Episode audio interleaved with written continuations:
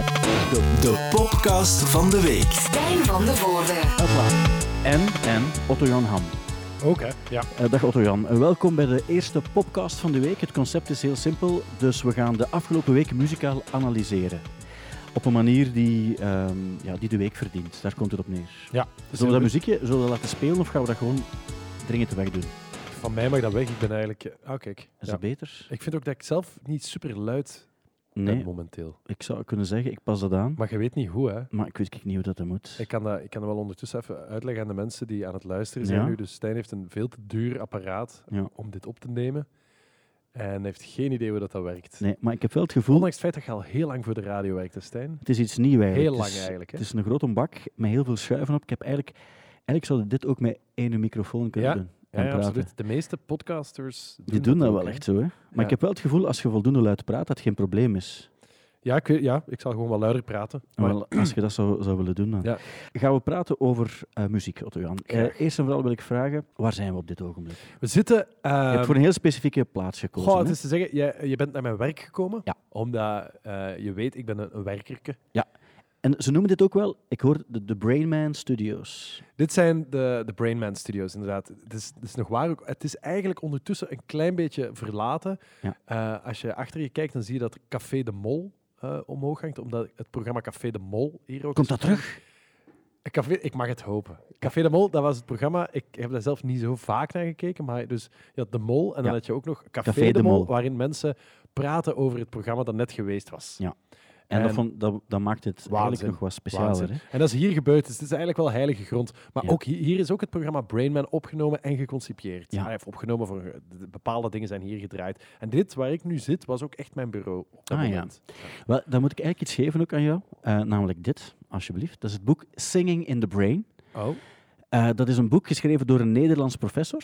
En die heeft zich echt ontfermd over de rol van muziek op ons brein, op ons menselijk brein. En ik dacht, dat is leuk om met zoiets te beginnen. zeker. Want het is heel toepasselijk voor jou en ook voor, voor deze podcast. en Uiteraard. dat interesseert mij ook mateloos. Op welke manier volg jij de muzikale actualiteit? Ehm, ik, eh, de- ik, ben, ik ben niet in de social media. Ik, ik, eh, ik moet zeggen, het enige wat ik heb is Instagram. En ik Ja. volg wel flink wat muzikanten. Ja. Eh, en en eh, ik volg eh, Pitchfork Media. Ja. De meest ellendige muzieksite die er bestaat eigenlijk. Het is verschrikkelijk hotin. Maar ik moet daar ook wel mee lachen. En ze, zijn ook wel, ze hebben wel de vinger aan de pols Ja. vaak. Dus dat volg ik. En verder laat ik mij bijpraten door vrienden. Eh, de podcast is eigenlijk ook een soort van vinger aan de pols. Mhm. En ik heb bijvoorbeeld gelezen dat Zane Lowe, dat is die man van Apple Music, Ja? Die heeft gezegd over 2019. Ik zou zeggen dat 2019 het meest jaren 80 jaar is geweest voor muziek eh, dat ik me kan herinneren. Ik bedoel dat in de jaren 80 vooral rare muziek werd gemaakt. Het was een raar decennium en het waren angstige tijden. En dat weerspiegelde zich in de popmuziek. Er was new wave, samen met wat vreemde toetsenborden en disharmonische hooks en leads over vreemde ritmesecties. Synths waren belangrijk, maar niemand wist hoe ze moesten klinken. Dus het was echt raar. Je hoort nu hetzelfde soort angstaanjagende experimenten in de hedendaagse muziek. En geeft hij voorbeelden ook. Nee, dat wel niet. Maar dat is zijn low. Die komt van de BBC toch? Hè? Ja, die komt van BBC en wordt nu voor Apple Music. Ja, maar die moet natuurlijk iets verkopen. Ja. En daarom zegt hij dat. Ik vind eerlijk gezegd, en ik wil nu niet als een so- oude sok klinken, maar het zijn allesbehalve echt opwindende tijden hè, voor de popmuziek. Is dat zo? Ja, dat, maar dat, dat, wil ik ook niet, dat wil ik ook absoluut niet flauw over doen. Maar, Ja. maar hoe, hoe, hoe, langer dat, dat genre meegaat, hoe, hoe meer dat, dat, dat alles wel al gedaan is. Ik herinner mij dat ik. Wat was dat zo ten tijde van, heet die, die, die, eh, die maffe, ah, zo dat dubstep gedoe, zo, dat, Ja. dat was echt zo geluid. Ik dacht van, amai, dat heb ik precies nog niet zo in deze mainstream configuratie gehoord. Ja. Maar voor de rest, ik zeg niet dat er geen goede muziek eh, meer is, hè, maar, maar het, is, het gebeurt zelden dat ik echt iets hoor van, ik denk, amai, dit is echt waanzin, dat heb ik echt nog nooit gehoord. Ja, maar het kan ook niet zijn dat er op een jaar tijd, in dit geval 2019, dat je niets hebt gehoord of gezien waarbij je Billie dacht van... Eilish. Billie Eilish? Daarvan dacht ik, eh, dat is... En, en daar meen ik misschien wel een soort trend te ontwaren, zodat, eh, dat, ehm, of te ontdekken dat, dat, dat, dat, is, dat is een popster, maar wel een, een zeer eigenzinnige popster die, die, die controle heeft over wat ze maakt, zij en haar broer om precies te zijn, en die wel zeer interessant zijn en, en ook een soort van... eh, een, een, een soort anti anti-Beyoncé, zal ik maar Ja. zeggen. Of anti-Rihanna. En waarmee ik niet wil zeggen dat dat propere wijfjes zijn. Maar die, die stralen wel een soort van diva, eh, popdiva, pop- popperfectie uit. Wat ze zeker niet zijn. En daar dat doen zij niet. En ik vond haar heel interessant. Maar, maar je had dan ook eh, die Dominic Fike. Ik weet niet of je die kent Ja. van die tree. Dat vond ik ook eigenlijk heel cool. En ook jonge gast die ook veel zelf deed. Eh, en, en, en daar meen ik misschien zo, misschien, misschien zijn dat zo de nieuwe popsterren van die, van die eh, gasten die, die net iets interessanter zijn en ook veel dingen zelf doen. En had- ik vond Billie Eilish, ik vond die plaat ongelooflijk. Ik had als je daar naar, met koptelefoon naar luistert, ik heb heel vaak met een vriend van mij die ook zelf muziek maakt of met wie dat ik soms dingen deed, eh, gebeld van heb je dat al gehoord en dat al gehoord, dat we dat zo'n geweldig goed idee vonden eigenlijk. En je, we hebben ze ook eh, samen gezien op Pukkelpop. Ja, En dan zag je ook een wij die eh, er anders uitzag dan op andere momenten. Ik bedoel dan ook qua sfeer en qua opgewektheid. Ja, absoluut. Dat, is, dat was een heel rare belevenis. Dat, dat, dat, we, we hoorden het niet zo goed. Wij stonden ver af. Ja. Wij, wij moesten plaats maken voor jongere mensen. en, en zij terecht. En we waren, we waren bijna eigenlijk ontroerd. Ja, dat is wel echt waar ook. En ehm, er waren visuals te zien met spinnenkoppen waarbij ik normaal gezien zou denken van ja, dat hoeft nu ook niet, maar het klopte wel op een of andere manier. Ik heb je ook eens aan de lijn gehad eh, in 2019 en toen was je heel enthousiast over dit. Ik had het eens eh, kort laten horen ook. Hè. Een beetje doorspoelen. Ja, absoluut.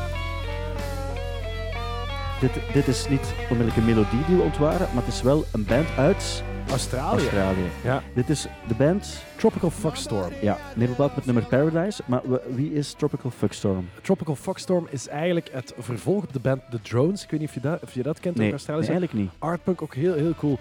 Eh, en nu, eh, hij zat bij de Drones. Ik, ik ken zijn naam niet of zo. Ik, en, ik, en ik ken ook de Drones niet zo goed. Maar ik heb Tropical Fuckstorm leren kennen dankzij de bassist van onze band. eh, die, die, mij daar, eh, die, die, die mij dat aanraden. En, ik, en ik, ben, ik was meteen verliefd. Dit is hun laatste plaat. Ja. Die volgens mij eind 2018 is uitgekomen. Of misschien 2019, dat weet ik niet zeker. Ehm, eh, de- verder zitten er drie vrouwen in de band. En het is, het, het, is, het is fantastisch. Dit nummer ook dat je hoort. Paradise. is de openingsplaat van die, van die openingsnummer van die plaat. Mhm. En dat is een onwaarschijnlijk intens nummer. En zoals we wel vaak hebben, eigenlijk alles wat Tropical Fuckstorm maakt, heb je het gevoel van, dit klopt niet. Alles wringt en, en, en lijkt met elkaar in conflict te zijn. Ehm, die, eh, die, die, die gitaren die worden eigenlijk mismeesterd de hele tijd. En toch zijn er dan af en toe momenten in de songs, heel goede songs overigens, waarin alles samenkomt Ja. en waarin dat alles ontploft. En dan gaan die vrouwen meezingen en dat, dan wordt daar bijna een soort van ehm, angelieke ervaring. Snap je? Dan heb je Ja. zo precies het gevoel van, oh, dat, dat, dat is het. Ja. En dan onmiddellijk stort dat weer allemaal in elkaar en dan trekt heel je lichaam samen. Dat is, dat is heel eh, fysieke muziek eigenlijk. Ik ben ze, ik ben ze eh, maand, ma- anderhalf maand geleden in Nederland ben ik er naar gaan kijken. Ze speelden op een festival en het was alles wat ik ervan verwacht en gehoopt had. Dat is een goede tip. Tropical Fuckstorm voor de mensen die het nog niet kennen. Over Australië gesproken. eh, daar staat, staat een stuk van Australië in brand. Ja. En ehm, heel veel artiesten die beweren dan, of die zullen dat ook wel doen, neem ik aan, wij gaan geld storten voor Australië. Pink die zegt, ik geef een half miljoen op het podium. En dan zegt de dag erna, eh, Elton John, ik geef een miljoen. Ja. Zeggen die op het podium ook zo. Is dat... ehm, Dit is het moment waarop ik moet zeggen, dan doe ik 2 miljoen. wel de- dat was mijn derde vraag. Ja. Maar het is wel, is dat cool als artiesten zoiets doen? Of is dat een beetje uitpakken? Of is het een voorbeeld? Hoe moeten we dat zien? We moeten, we moeten, eh, we zijn verplicht eigenlijk om te denken dat zij dat menen. En Ja. ik ga ervan uit dat Pink en Elton John, dat die, ehm, dat die het hart op de juiste plaats hebben. En dat die dat met de beste bedoelingen zeggen of doen. Maar anderzijds eh, zou je daar ook vragen bij kunnen stellen. Want ehm, als zij een half miljoen zomaar kunnen geven, dan hebben ze ongetwijfeld nog wel wat halve miljoentjes liggen waar ze andere dingen ook mee zouden kunnen doen. Enfin, dat is eigenlijk een discussie die nooit eindigt. Hè. Ja. Het is moeilijk, want je kan zeggen, als je iets doet, dan doe je, dan doe je iets goed. Dus geen probleem. Maar wat ik heel cool vind, is als er artiesten zijn die iets gegeven hebben. Zonder... En, voilà, en die willen dan niet, niet dat het geweten is, maar plots lekt dat uit op een of andere manier. Ik heb toevallig, ik, eh, een tijd geleden in een interview, ben ik daar ook weer over eh, iets te fel van leer getrokken. Ik stoor me altijd aan mensen die op Instagram zo'n dingen Ja. hè, doen, die, zo, die, die mooi ten brand schreeuwen om dan echt letterlijk één poster na een mooie foto van zichzelf in een strakke bikini. Ja. En dat- dat, mag, maar dan denk ik van, wat is je engagement waard? Ja. Daar kan ik mij over opwinden, maar daar heb ik altijd ruzie over met mijn lief, die dan zegt van, ze doen tenminste iets. En dat is ook wel weer waar. En daarover gesproken, ik weet niet of je Celeste Barber kent, de Nee. Australische comedienne. ehm, waar mijn lief bijvoorbeeld helemaal zot van is. Ehm, een Instagram-fenomeen is dat ook. En die heeft ook een actie op poten gezet. En mijn lief is daardoor overstag gegaan en die heeft ook gedoneerd. Dus dan denk je, ja, dat, dat, dat, dat veroorzaakt wel iets. Ja, Elton John-fans gaan misschien wel denken, ah, maar wacht, misschien moet ik het ook doen dan. Die, dat ze dat eens gaan doen in plaats van onveilige seks in discotheken te gaan hebben. Ja, maar dat is, ja, daar, daarmee los je inderdaad geen brand op. Nee. Maar, ehm, Het, is, het is moeilijk. Het is, eh, het is, eh, je moet uitkijken voor, voor een, eh, een soort van morele superioriteit of een vingertje. Enfin, maar, maar Muse heeft dat ooit gedaan. Ik weet nog toen, eh, ooit heeft Muse iets gedaan voor Music for Life. Ja. En toen hebben ze gezegd van, oké, nu mogen we dat wel zeggen, want we zijn tien jaar later of zo. Oké, we gaan 10.000 euro geven, maar je mag dan nooit zeggen dat we dat gedaan hebben. Mhm. Hoe moeten we dat hier doen? En dan denk ik van, nou, dat is wel echt heel cool als je het zo doet, op die manier, want dan wil je er niet mee uitpakken en je hebt wel iets gedaan. ja, daar ben ik het eh, helemaal mee eens. Dus dat daar kunnen we het, eh, daar kunnen we het eens doen. Keanu Reeves heeft, heeft dat ook nog gedaan trouwens. Ja, het is, het is engagement. Hè. Het is eh, Rage Against the Machine. Ik herinner mij, eh, dat is een engagement op een heel andere manier. Ja. Hè. De Rage Against the Machine ehm, eh, eh, heeft het de hele tijd over, eh, over- activisme en weet ik veel wat. En, en dat je de, de, de, de power to the people en, en wat dan nog. ehm, eh, maar in hun vrije tijd doen die dat ook echt. Ja. En, en, en, en eh, tot het punt zelfs dat die met, met rebellen gaan meeknokken in, in Mexicaanse bossen en zo. En dat je denkt van ja, dan, dan meen je het wel en dan is het engagement oprecht. En dan wil ik van jou gerust accepteren dat jij voor je zaak wil gaan. En daar heeft het allemaal een beetje mee te maken, met geloofwaardigheid. Als Mariah Carey, voor wie ik niks dan sympathie voel uiteraard, maar als, als, als die met een uitgestreken smoel het over bosbranden in Australië gaat hebben, dan, eh, of ja, of, of, of, of- of- dat is niet meer dan een bosbrand, dat is veel meer, hij heeft tenminste, dat is een volledig continent dat staat af te fikken. Maar, maar dan denk ik van ja, dat is ergens dat wel makkelijk gezegd vanuit jouw prachtige paleis. Ik heb deze week een goede mop gelezen eh, en die had te maken met Mariah Carey. Mag ik eens vertellen? Ik denk dat ik weet welke het is en ik vind die ook heel goed. Heb je op dad jokes? Ik Ah, heb nee. het ook in de nieuwsbrief gezet, al sinds, maar dat is niet belangrijk. Ik, eh, de mop was, ehm, dus iemand, ik kan niet zo goed moppen vertellen, maar Nee. ik ga het proberen. Dus iemand gaat naar, eh, zegt van, amai, ik moet dringend naar de garage, eh, want mijn auto maakt een akelig geluid op een of andere manier. En die komt toen in de garage en ehm, hij dropt de auto, zegt van, nou, dat maakt echt een akelig geluid, ik weet niet wat het is. En daarna, de dag erna mag hij de auto gaan halen en de garagist zegt, ik heb gewoon de cd van Mariah Carey eruit gehaald en nu is alles opgelost. Ik had een andere. eh, Welke- ik heb, maar het is zo een meme, zoals dat heet. Ik Ja? een foto. En je zag Mariah Carey in de branding van een zee in een prachtige eh, jurk staan. En, en er stond zoiets bij: It's that time of year again where Mariah Carey emerges back into the sea to disappear for a year. En dat heeft alles te maken met All I Want for Christmas. Maar ik wil iets zeggen over Mariah Carey. Hm? Ik, ik ben nooit echt een fan geweest, maar ik heb, ik heb, eh, recent heb ik eh, een kleine maand op een boot gezeten voor een nieuw programma dat volgend jaar wordt uitgezonden, waarbij we de oceaan hebben overgevaren. En ik had het genoegen, en ik meen dat, om die reis met Jani Casalsis te maken. Ja, ja. En Jani is eh, niet alleen een fantastisch mens, maar ook, denk ik, de grootste Mariah Carey-fan die er bestaat. ja. Maar Jani die, die is naar Times Square gevlogen om Mariah Carey daar te zien optreden. Echt? Jani Ja? die gaat elk jaar naar de kerstshow van Mariah Carey. Cool. Ik heb Jani zien kapot gaan terwijl hij eh, het nummer. ehm weet je, ja, ik ben. de eh, Ik ken eigenlijk alleen al, al ja, van nee, er, nee er- hij, er zijn blijken heel veel Mariah Carey nummers te zijn. Ja. Eh, ah, nee, fuck. eh, ah, ah, Vision of Love. Ah ja. Dat is, dat is I had a vision of love. Als ik het, Ja. ja. Dus, en als ik hem daarover hoorde vertellen, dan dacht ik van, maar ja, waarom ben ik ook zo'n cynische aap? Dat is ook, dat is ook echt heel, heel ja, maar veel van die krachtige popnummers... muziek. En dat zij is een fantastische zangeres, hè. Ja, maar maar veel van die nummers zijn ook wel... dikke lozen ook. hè. Jawel, dat wordt gezegd, maar is dat ook zo? Dat moet u toch... Ik kan het ja, eens ja. even zo, want ik moet het nu wel, ik het Vision nu of wel Love. kennen. Ook, eh, Vision of Love, dus, ja. Dat klinkt dan zo ongeveer. Het, ging- het is allemaal heel subtiel. hè. Eh,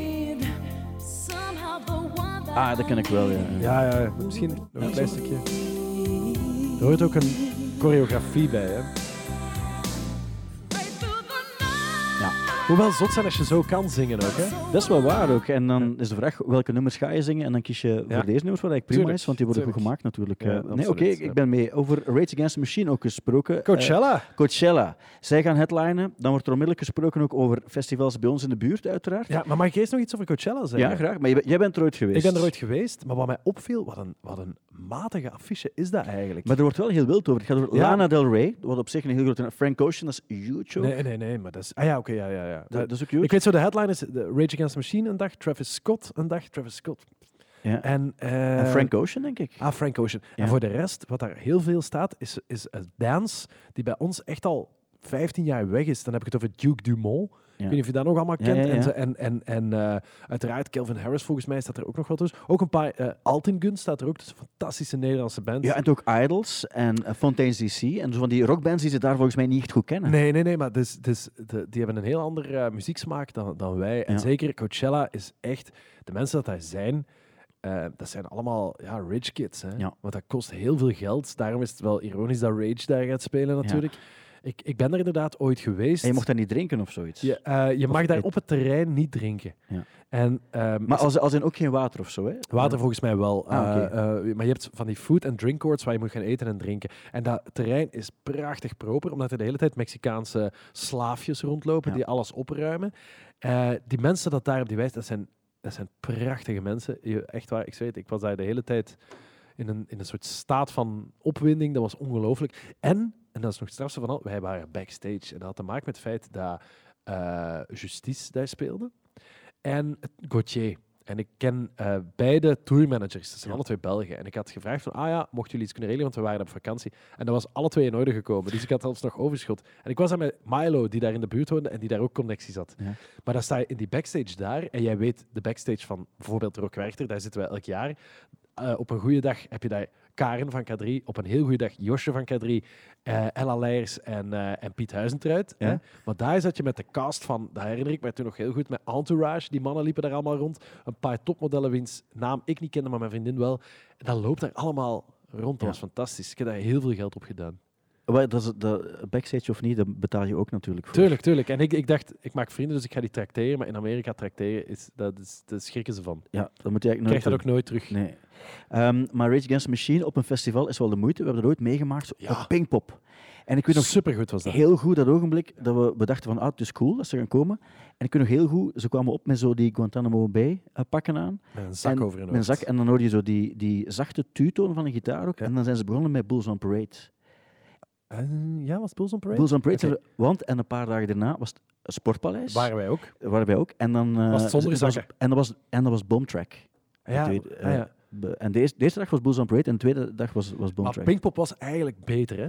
Dat, dat was beter ook. Misschien ook omdat het de eerste keer was in een lange tijd. Ja, dat weet absoluut. En dat was, dat was fantastisch. Ik weet dus dat is dat eerste nummer. Maar eh, ja, het- het zou wel Bulls on Parade kunnen zijn. Volledig met die zakken Ja, over hun hoofd. Zo. Dat Gespeeld was hebben ook. Fucking fenomenaal. Op Pinkpop, Pinkpop is wel een bijzonder festival. Ik, ik ga nu even van de hak op de tak. Nee, maar nee, daar dat heb ik echt al een paar heel goede shows gezien. Zelfs ook, ik weet nog... ehm, Ramstein. Ja, en de Red Hot Chili Peppers, die keer. Ja. Ehm, die vond ik ook heel goed toen, omdat... ehm, ja, dat was zo ten tijde van Californication of zo. Maar het heeft ook misschien te maken met het feit dat het zo vroeg in het jaar is. Of. Ja, en dat dus- je daar zelf ook met een, een, frisser gevoel staat. Maar ik weet bij Ramstein bijvoorbeeld, waar, waar ik, op, ik ben echt geen Ramstein-kenner, maar ik weet heel die wij stond vol. Ja. Die zit ook dicht bij de Duitse grens. En Duitsland-Nederland is altijd speciaal. Ja. En ik weet, dat begon en er hing een gigantische zwarte backdrop van achter, dus een zwart doek, je zag eigenlijk niks. En na de eerste drumslag valt hij naar beneden en heel de achtergrond was een Duitse vlag, maar Ja. gigantische Duitse vlag. Dat publiek werd gek, dat Ja. was zo fantastisch. Dat, dat, ja. Want ze hebben daar kritiek op gekregen ook, omdat er dan zo gezegd de, ja, ze met Duitse vlag... Dan, daarmee, ja, ja. ja, ja. Fantastisch. Ehm, maar ehm, ik heb ook een jingle, ik moet die nu eens gebruiken.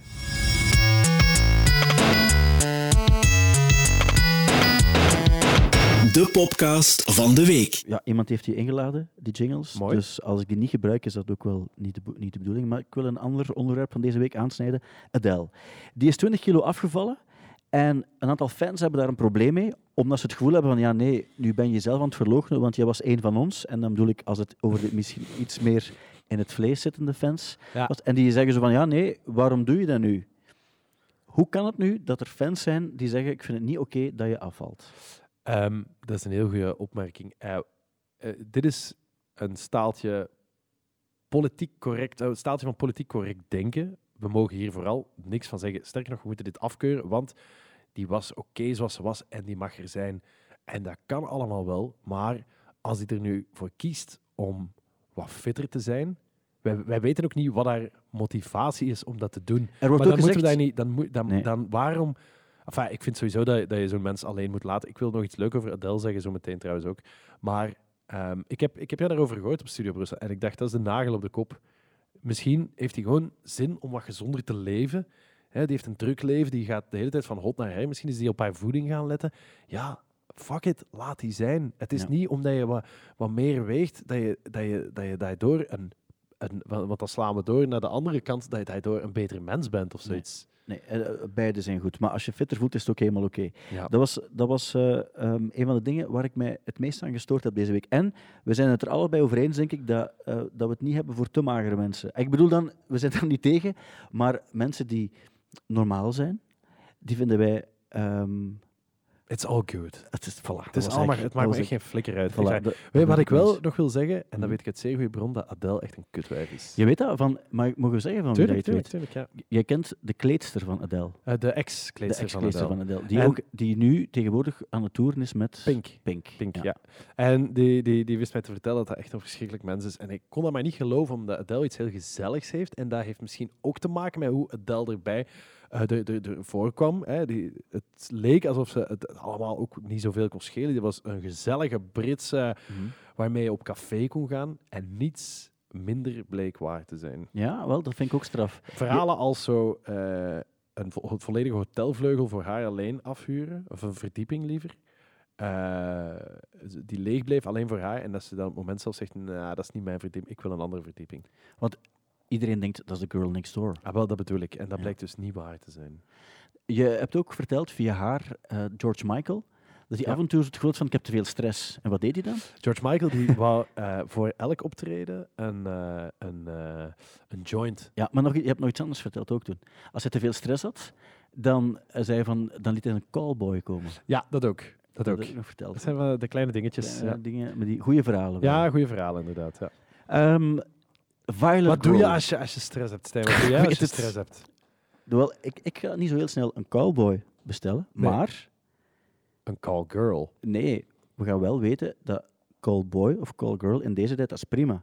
En dat zijn mensen die biseksueel zijn. Tuurlijk, als die zich En- fitter voelen door callboy te zijn. Voilà, maar de- de- om het daar toch heel kort even over te hebben. Dus op een bepaald ogenblik las ik in de krant, eh Otto Jan dubbel punt, Ah ja. ik word verliefd op mannen en verliefd, vrouwen. Ik ja. word snel verliefd op mannen en vrouwen. Eigenlijk, waarom... Kom aan zeg, hoe lang zijn wij nu al aan het praten? Waarom gaat het er nu pas over? Ah, wel, ik ging het er eigenlijk nog over hebben, gelinkt eigenlijk aan het feit dat David Bowie, Ja? misschien moet ik dat ook dus David Bowie zou jarig geweest zijn en zou Ja. 72 geworden zijn deze week.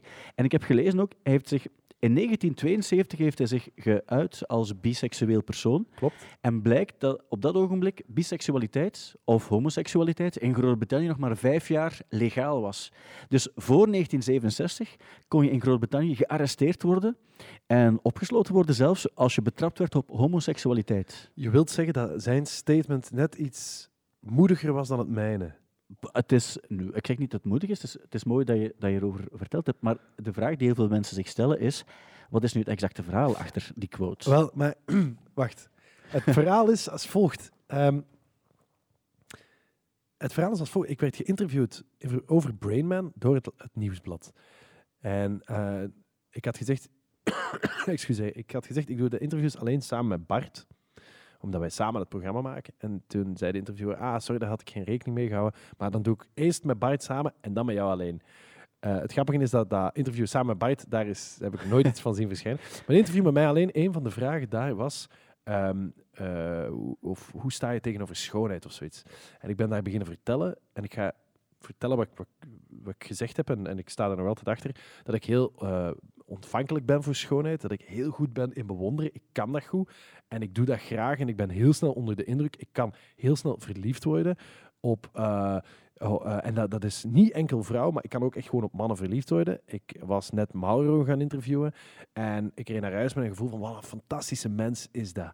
En, en eh, dat is geen verliefdheid zo, zoals dat ik... destijds- zegt niet van, ik moet die nu binnendraaien. binnen, binnendraaien of afrijden, dat niet. Eh, ook dat overkomt mij wel eens, maar dat is dan niet noodzakelijk met mannen. Nee, nee, Eh, maar maar eh, je begrijpt, zoals ik het nu uitleg, Ja, ja, en zo heb ik het toen ook uitgelegd, Ehm, je, kan daar, je kan daar veel van zeggen, maar dat is niet noodzakelijk een bekentenis als in... eh, ik, ik, enfin, maar ik dat biseksueel. Nee, Ja, nee, nee. Maar, maar dus, Nieuwsblad heeft dat gepubliceerd en dan heeft HLM.be heeft dat zinnetje eruit gehaald en een kop van gemaakt en dan is het een heel eigen leven gaan leiden. En het erge is, ik vind dat niet erg. Nee. Ik sta er wel van te kijken en ik vind dat wel kwaadschiks van HLM.be, want die weten dat die daarmee een zaadje planten wat er niet is. Hè, die- Clickbait. ja, dat is echt puur clickbait. En, en daarmee, want heel veel mensen spreken mij daarover aan. Die hebben dat artikel niet gelezen, die hebben die kop gezien. Het enige wat ik jammer vind, is dat het nu lijkt alsof ik eh, dat doe om aandacht te trekken. Ja. Terwijl ik was gewoon mijn best aan het doen om een interessant antwoord te geven. Je wilde zeggen, ik ben impulsief en als ik iets cool vind, dan En vind ik het ben, heel cool. Ik ben, eh, ik, ik ben niet vies van gevoelens of zoiets. Ja. Ik kan, eh, ik, en wat ik er trouwens ook in gezegd heb, ik, ik begrijp niet dat er mensen zijn die naar een meer of naar een bos of een zonsonder gaan kijken en dan beginnen wenen. Dat vind ik, dat, dat, dat heb ik niet. Ja. Maar ik kan wel oprecht, mensen kunnen mij ontroeren, mensen kunnen, muziek kan mij, kan mij pakken. eh, maar maar ik, ik kan echt, ik zat, eigenlijk zeg ik, ik word verliefd op persoonlijkheden. Ja. Voilà. En daarmee is die... En ik ben zo gay als, als kerstmis En natuurlijk. dat, is ook, en dat is ook prima, Ja. uiteraard. Ja. Ehm, Dave Grohl, die heeft een dochter, Violet Grohl. En die stond op het podium samen met Beck, St. Vincent, Chris Novoselic Ah, ja. en Pat Smear. En al, dat allemaal voor het goede doel. Het was 250 euro voor een ticket. En dan zag je een Nirvana-reunie, dus zonder Kurt Cobain. De vraag is, los, dat is leuk dat dat is gebeurd ook, maar een reunie van een legendarische band die niet volledig is. Wat moeten we daarvan denken? Ja, ik heb, ik heb er geen beelden van gezien of ik heb er niks van gehoord, maar ik vond het wel heel grappig dat overal in de, en dat is, eh, heb je het weer, in de krantenkoppen stond, of de, de, de koppen op de nieuwsites van eh, overgebleven leden Nirvana terug op het podium. Maar overgebleven leden van Nirvana, eigenlijk zijn dat twee mensen. Oké, je kan die Pat Smear er ook nog wel bij ja. betrekken, maar ça va. En Nirvana, ja, eigenlijk is dat Kurt Cobain. Ja. Dus dat is, dat is zo, ja, dat is zoals dat Queen nog altijd toert en, en dat slaat ook nergens op, want Dat was mijn vraag eigenlijk. Eh, Daar wilde ik naartoe gaan, want je bent een Queen-fan en Adam. Lambert. ja, dus, het ding is eigenlijk bij Adam Lambert, Die, valt ook, die wordt ook heel snel verliefd op mannen. en in de film Bohemian Rhapsody, ehm, wordt dus de figuur die, die ehm, eh, Freddy? Freddie Mercury speelt, wordt verliefd op Adam Lambert, die dan een barman, een barman speelt. Och, dat is mij helemaal ontgaan. Ja, maar dat is terzijde. Ah, ja. Maar ze hebben gedacht op een bepaald ogenblik, we gaan een soort van flamboyante gay Ja. vervangen door een andere. Maar je hebt verschillen in flamboyant gay. Flamboyantie. Ja. ja, kijk, ik ken heel die Adam Lambert niet, maar Freddie Mercury is natuurlijk niet te evenaren. Ja. En het is niet omdat je best goed kunt zingen en, en met veel zelfvertrouwen op een podium staat, dat je meteen dezelfde verdiensten hebt. Ja. Die, ik bedoel, Freddie Mercury schreef songs. Ja. Eh, en, en, en kon fantastisch piano spelen. En, en enfin, maar ik, ik, ja, niks te nadelen van die Adam Lambert. Ik ken die mens niet. En, Maar je eh, zou niet gaan kijken. nooit. Nooit. Ja, jammer, want, want ik ben en ik ben ook niet. Ik bedoel, eh, eh, Brian May en Roger Taylor, die, die nog altijd daarbij betrokken zijn. Ja, op zich wil je die wel eens live zien of zo, maar, maar ik denk, ja, dat is alsof je naar een.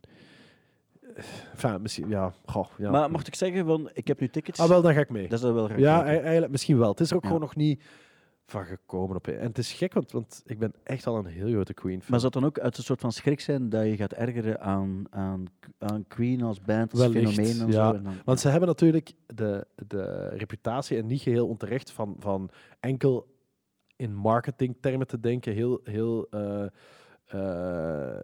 Commercieel opportunistisch en ja. commercieel. En dat, dat zijn ze altijd geweest. Ook Ja. Freddie Mercury, hè, die hebben echt gedacht van oké, nu moeten we dit soort muziek maken, want daar, gaat, daar gaan mensen eh, naartoe willen komen. Ik bedoel, hoe, dat is echt popmuziek in zijn puurste vorm wat dat betreft. Ehm, maar nu is het soms wel een beetje gênant. Ja, oké. Ehm, het was Noel Gallagher van Oasis die zei van ja, waarom zouden we een reunie doen? Want als we dat doen, het enige wat we gaan horen is wat veertigers die zeiden van in een, of die gaan zeggen in de jaren negentig was het toch beter. Absoluut. Absoluut. Ik, vroeger was ik veel meer van het... Of hoopte ik vaak op reunies, maar nu weet je, dat is onzin. Ja. Ik bedoel, wa- waar heb je er nog mee, waar heb je ermee te winnen? Niets.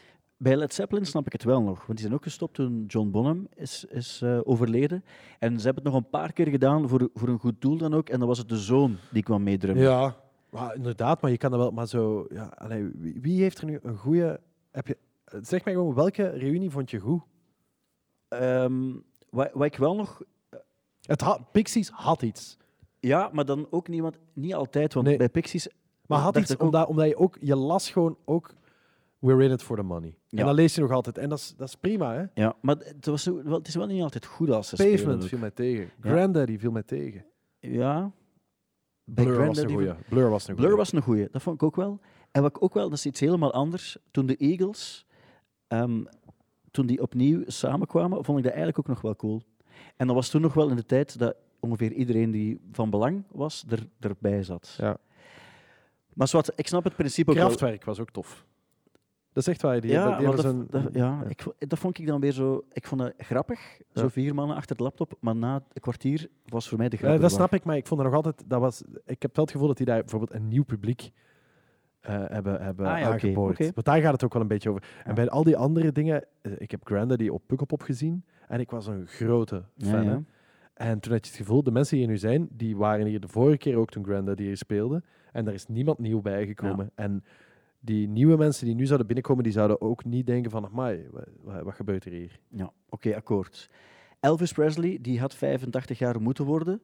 Deze week is niet gebeurd. Elvis Presley eh, die kan zichzelf niet als, we kunnen die als een soort van hologram laten terugkeren, Mhm. maar die, die kan niet echt terugkomen. Ehm, en hij wordt dan een beetje gezien als een, een van de grondleggers van de rock and roll. Is, is hij nog iets? Ja, ik denk dat is een, dat is een, eh, een eh, essentieel figuur. Mhm. Alleen, ik, ik zelf ben geen kenner, nog een fan, dus, dus ik weet te weinig. Maar, maar eh, ja, die zijn, die zijn belang, dat, dat moet enorm zijn. Eh, Ja. eh, maar, maar wij zijn ooit in Amerika in het Elvis Museum geweest voor een programma heel lang In, geleden. in Las Vegas. Las Vegas. En toen hebben wij een ex-lief van Elvis Ja. gesproken, die, Die ons geknuffeld heeft. die ons geknuffeld heeft en die ook de hele tijd aan het huilen was toen ze over Elvis sprak. Ja. Dus dan kan je, je kan onmogelijk zeggen dat die gast geen invloed heeft gehad. Nee, hij heeft eigenlijk ook gedaan wat, wat al bestond door zwarte. Heeft hij dan als blanke Ja. gecommercialiseerd. Ja. En, en op een goede manier ook wel. Maar dat is popmuziek, hè. het is stelen van dieven. Ja, dat is waar. En je kan van geen enkele artiest zeggen wat hij gedaan heeft of zij, is nog nooit gebeurd. Eh, nee. Of toch van heel weinig. Ja, van heel weinig. En dat is ook, ook prima, uiteraard. Je zou kunnen zeggen dat de Beatles, als het gaat over popmuziek, eigenlijk alles hebben uitgevonden en dan heeft de rest herwerkt. En dat is waar, maar ze zijn ook gepakt op Come Together. Dat was eigenlijk letterlijk eh, gepikt hebben van eh, Little Richard. Ja. Zowat, hoe dan ook, maar de- ze, eh, sommige mensen pikken iets klein en maken er iets groots Ja. van, van zichzelf. Misschien Ja, ja ik maar ik bedoel, zeggen. als het gaat bijvoorbeeld in het geval van de Beatles, het gebruik van eh, of Ji- Jimi Hendrix, die een elektrische gitaar ineens anders ging spelen dan ander, al de bands die op dat moment Ja. Elektrische gitaren eh, gebruikten. Eh, net als dat de Beatles ineens eh, in de studio tapes achteruit gingen spelen en dat soort dingen. Of op Love Me Do. De, de, de, de, de mondharmonica daarvan is. Wat, vroeger was dat, in, pro- in een soort propere context en daar we- we- weet hij, weet hij ook, ja, wat ik net bij Tropical Foxstorm zei, mismeesterd en Ja. ineens werd dat een ander geluid. Ja. Was hij ook, maar waarschijnlijk hoorden ook ergens oppikte en, en daar iets nieuws van maakte. Het is daarom dat ik zeg, de stelen van dieven. Hè. Je, je, je, je, je bouwt voort op wat er bestaat en je maakt daar iets van. Ehm, en, en dat werd dan popmuziek. Ik wil het nog hebben over eh, twee dingen. Eh, ten eerste wil ik nog aan u vragen, wat is er, welk nummer dat je op een of andere manier eh, graag aan ons wil laten horen? Eh, en ten tweede wil ik ook nog hebben over Johnny Polonsky. Wie is Johnny Pol En ook nog één ding, ik wil ook nog vragen, kijk je uit naar, eh, en je moet maar over één van de twee hebben, ofwel de nieuwe plaat van The Strokes die eraan komt, of kijk je uit naar wat Kanye West in 2020 nog gaat doen?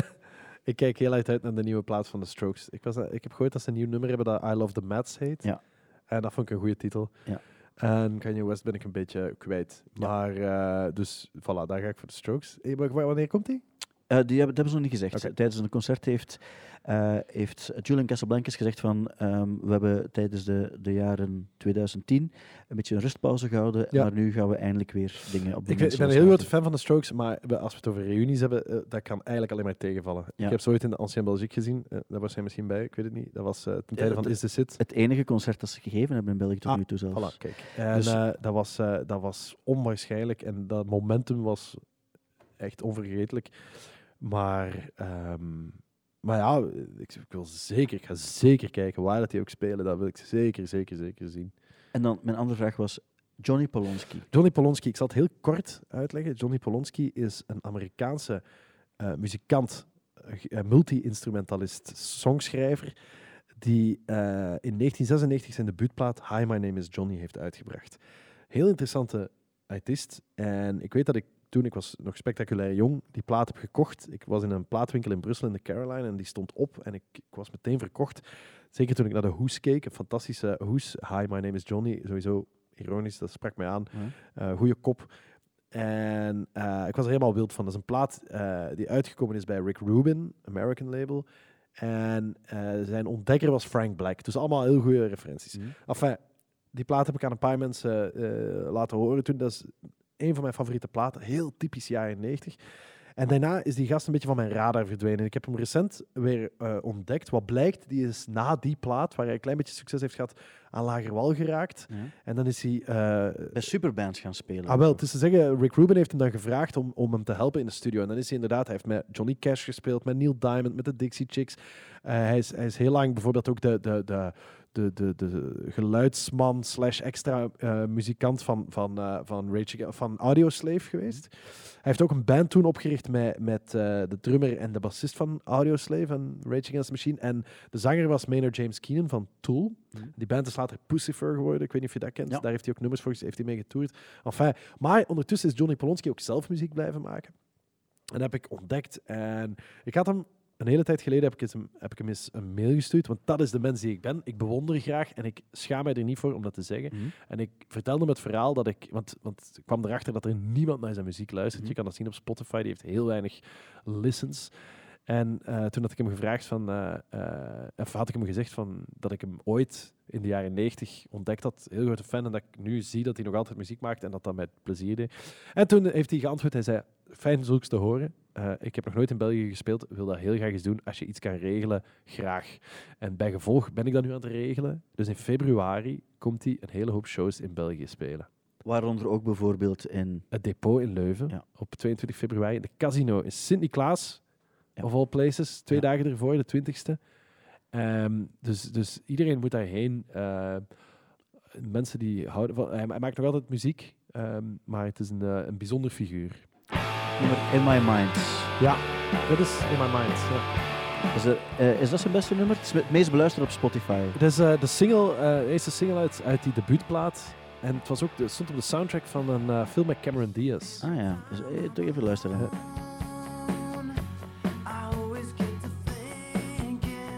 Ik snap wel waarom Frank Black het goed vindt. Het is, het is heel Nirvana ook. Ja. Ja. Allee, zo, het is heel jaren 90. Oké, je kan het vinden op, op Spotify onder andere. En, eh, Ja, eh, en je hoeft er niet voor in de rij te staan, want er zijn niet veel mensen naar aan het luisteren. Oké, dat is het voordeel. Maar binnenkort live.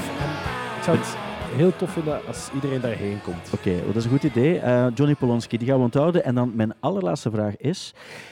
als we nu één nummer mogen spelen voor, van jou, een nummer dat we misschien ook gehoord moeten hebben, welk nummer mogen we dan spelen? Wel, maar ik, ik ga dit anders inleiden, Stijn. Ja. Want we hebben het erover gehad aan het begin van de uitzending. Ja. En, ik, ik weet heel veel nummers die ik heel tof vind en wil laten horen. Ja. Maar we moeten eerlijk zijn dat jij hem een klein beetje ingelepeld hebt, deze. Ah ja, ja, ja. Dus, dus, ah, het is eigenlijk waar. Het is eigenlijk mijn voorstel geweest. Het is jouw voorstel, want dat wil ik erbij vertellen, want anders zou het lijken Ja, alsof nee, ik nee. hiermee ga koketteren. Juist, ik zat eigenlijk nog met een ander nummer in mijn hoofd dat, ook in, dat ik, dat ik eh, klaar had staan. Ah. Maar ik heb, nee, ik heb het zelf gevraagd en ik wil het graag ook doen. Ik zal het misschien inleiden. Wel graag, ja. Dus jij speelt al lang in een band, Ja, genaamd Awesome Sumi. dat klopt. Ja. En de band die is al lang bezig, maar de muziek die je maakt, en dat is misschien een typisch verschijnsel voor iedereen die muziek maakt, die raakt niet altijd tot bij de mensen, omdat je er een beetje protectionistisch over bent, omdat je niet altijd het gevoel hebt van ik wil dat nu delen.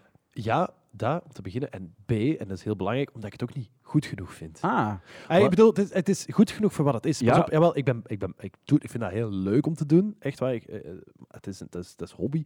Maar ik heb niet de ambitie om... eh, of, of, of, ik, ik zou nooit durven beweren dat dat geweldig is en dat iedereen dat moet horen. Iedereen moet dat vooral zelf weten. Maar ik vind dat... Ik maak dat heel graag, maar dat gaat nooit... Dit gaat nooit iets worden. Maar nu wel. Nu wel we gaan natuurlijk. spelen. Ja. Het, het nummer heet Losing Light. Ja. De band heet Awesome Sumi, Ja. want dit is jouw band. En ik heb het gevonden op Bandcamp. ja, ik vind het ook wel, ik vind het wel tof hè, dat je het draait. Ja, maar ik, ik, heb, ik vond ook, want je hebt af en toe stuur je nummer door.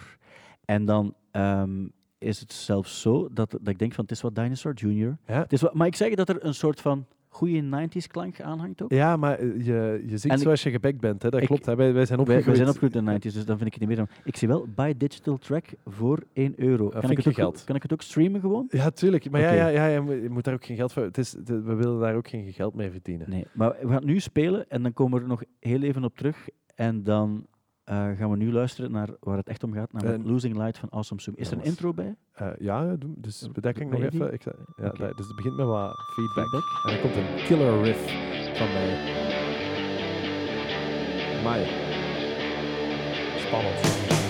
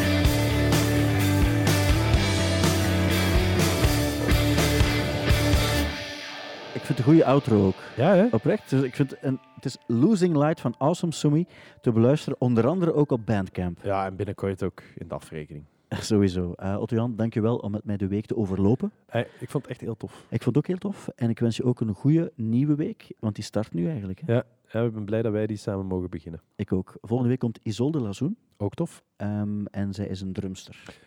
Misschien dat hij ook zelf muziek maakt. Dat is waar. Hebben we, is er nog één vraag die ik zeker moet stellen aan haar? Nee. Maar ik kan zelf. Je verzint wel iets. Voilà, en het moet over de actualiteit Voilà. gaan, dus Voilà. kunnen wij veel weten nu. Ja. Dus eh, geen enkel probleem. Otto-Jan, ik, we gaan eindigen met een jingle. Ga jij aftellen? Ja, 3, 2, 1.